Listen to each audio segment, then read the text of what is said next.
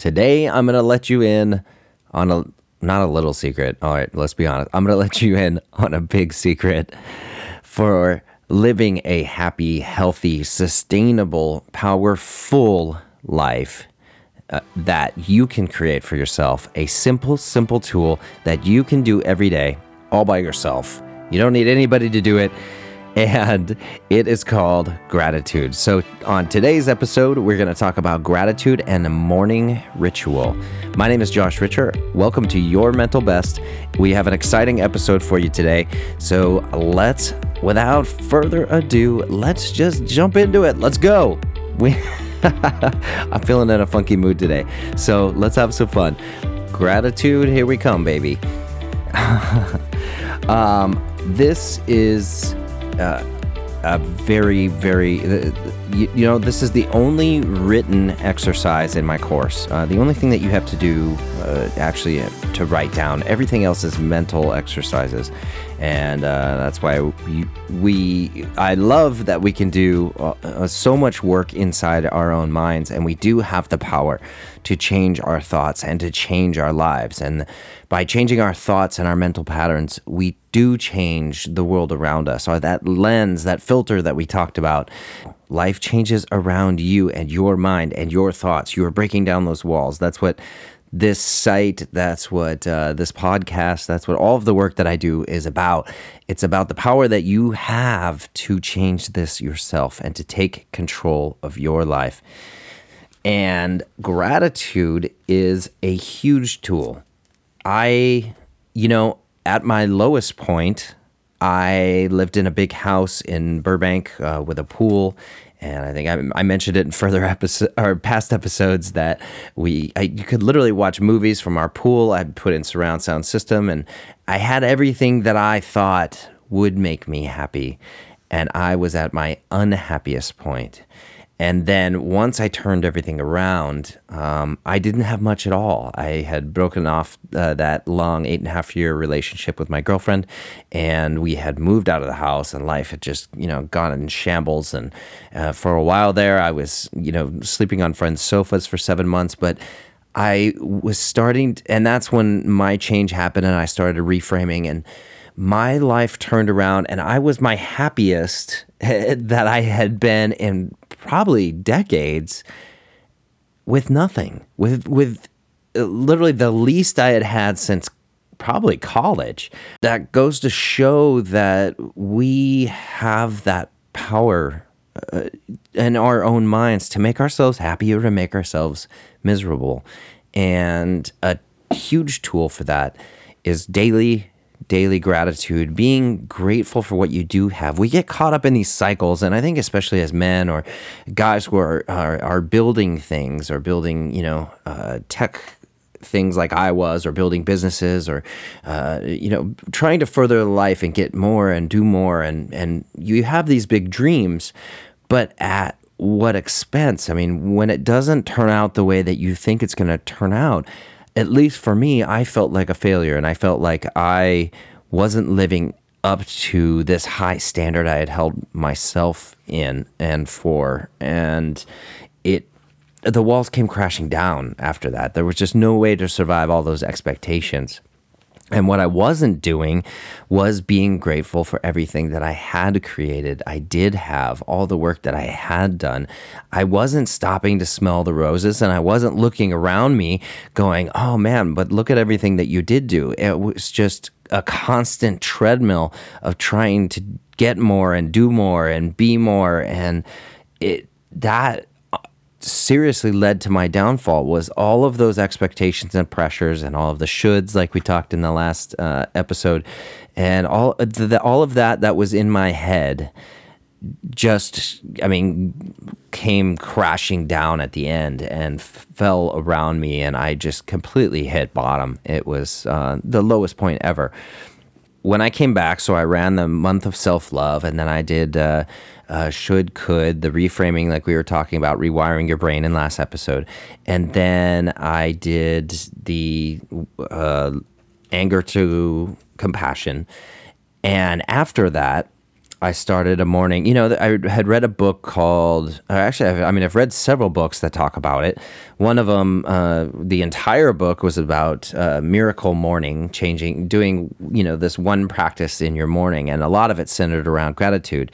And so many people around the world had written in and called this guy. And this book is a whole phenomenon now. People do their miracle mornings and talk about it and how much it changed their lives and I did something similar. I hadn't read the book then. I actually read the Miracle Mornings afterwards, but uh, it it's on the same principles and it's about the same stuff, which is basically taking stock of your life right now and all the wonderful things you do have at my lowest point, I had a roof over my head. I had friends that cared about me. I had, I could look around me here in Southern California and look at the beautiful weather and I could, I could notice finally the sunshine when I was caught in so much darkness before with all the pressure and everything. And I couldn't see. I just, I couldn't even take notice of a, how beautiful day it was all I saw was all the were all the bad things that were going on in my life. So by doing a gratitude list, so the here's here's what you got to do. uh, here's the list as it stands. I'm opening up my book right now to take a look at it as well. Um, to change your life in a massive, massive way, every morning when you wake up, write down 10 things you're grateful for and I try them. I try to make them different every day. But you know what? Family, um, my health, um, you know, basically balance, uh, the work that I have done. I'm flipping through here a few things: truth, honesty, awareness, release, learning, growth, challenge, friends, mom, health, dad, love, my work, uh, surrender all of these so write down 10 things and just rattle them off. Don't even you know don't spend too much time on this. Your whole morning ritual that i'm going to share with you right now should only take about 10 minutes um, or uh, hopefully less. So it's not going to take up much time but you have to do it every morning. This will infuse your life. This is gratitude is like the turbo charge. It's the freaking jet fuel for a positive change, that change that you're looking for right now. This is a this will throw gasoline on the fire of all the other reframing, all the other work that you're doing, changing your thoughts from negative to positive. This is just going to turn up the volume. I mean, more cowbell. Here it comes. This is this is the glue that's going to stick everything together and make it uh, just so positive and powerful. So I list 10 things that I'm grateful for in the left column. I have a little notebook, uh, small, one of the pocket sizes that would fit in your back pocket. Um, and I write the date at the top. I write 10 things that I'm grateful for on the left.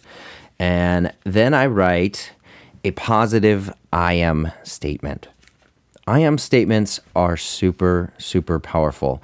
They are profession. It's like an I am statement is sort of like a secret little window into your beliefs about yourself. A- actually, I'm going to back up for a second. How how the I am statement started was I was good. I had a uh, life coach for a while, Dar- a life and success coach, Darcy, and she was awesome. And she had one question that she she would ask me every time, and Darcy's question was, "What lies are you believing today?" And that's a pretty powerful question because we tell ourselves things all day long and, and every day that just aren't true. So we have to bust ourselves in these lies. We need to change our language. This is all about changing your language, changing your thoughts. So we need to kind of unearth these lies that we're telling ourselves. Every morning after my gratitude list, after the 10 things, I would ask myself, what's a lie I'm believing today? It could be an example, could be, I'm too tired. I don't think I can make it through the day well, is it is it really true you can't make it through today? I mean, you, I'm gonna collapse before the end of work and just die and go tets up and and that's it. I bought the farm today. No, uh, I can. I'm more powerful than I think I am, and I have. Uh, bigger i've proven to myself in the past i have bigger and better capabilities than I gave myself credit for. So you flip that lie into a positive statement. So if if the lie is I'm too tired, I can't make it through the day, your positive I am statement would be I am more powerful than I give myself credit for. I have proven this in the past and I have more than enough energy at my disposal to get through today. So that would be a positive I am statement. And it's really, really, really, really, really, really, really, really, really important to start it with I am. I am is a very powerful statement to you, the universe, to your friends, to everybody. What you associate with and what you're saying that I am. If you're saying all day long, I am too tired, I am exhausted, I am not going to make it, I am this, you're digging that, you're carving that channel deep in your brain, like we talked about the repetition of last uh, of the last episode. If you're constantly saying negative things after I am, then you're that's like a definite. That's like a, a, a profession that you are XYZ. And if what follows I am is negative, that's not good in your life. And we need to get that out. So take that lie that you might be believing that morning and turn it into a positive I am statement. Hugely powerful.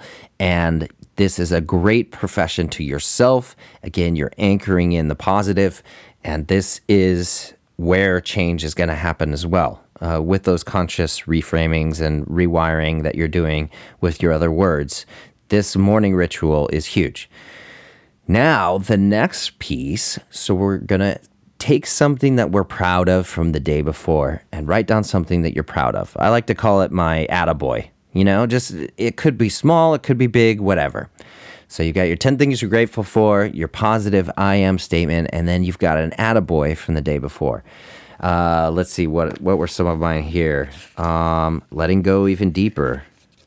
I'm proud of all my work on my website. Um, my growth, even in the past few months. Staying cool and organized. I'm proud of reaching deeper levels of openness.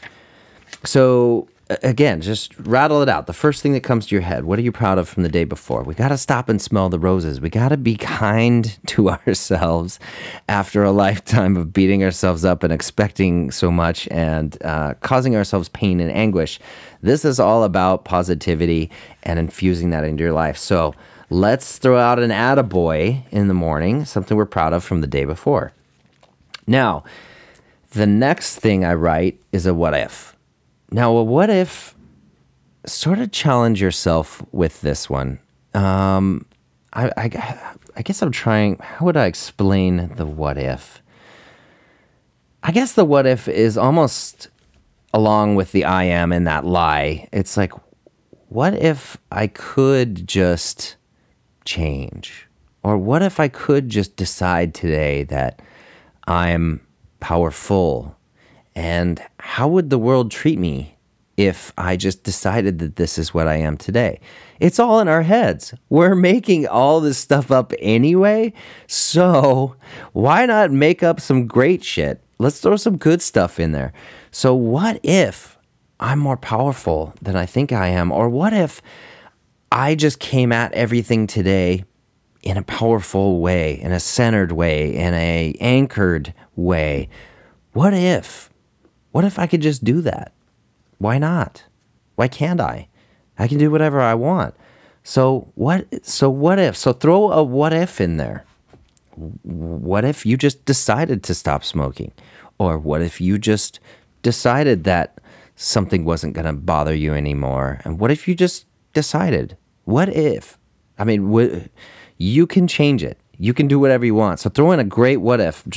Think big and think positive and throw that into your, morning list, your morning ritual. And the last would be an intention for the day. So, what do you want? Uh, let me see what examples. I'll give you guys some.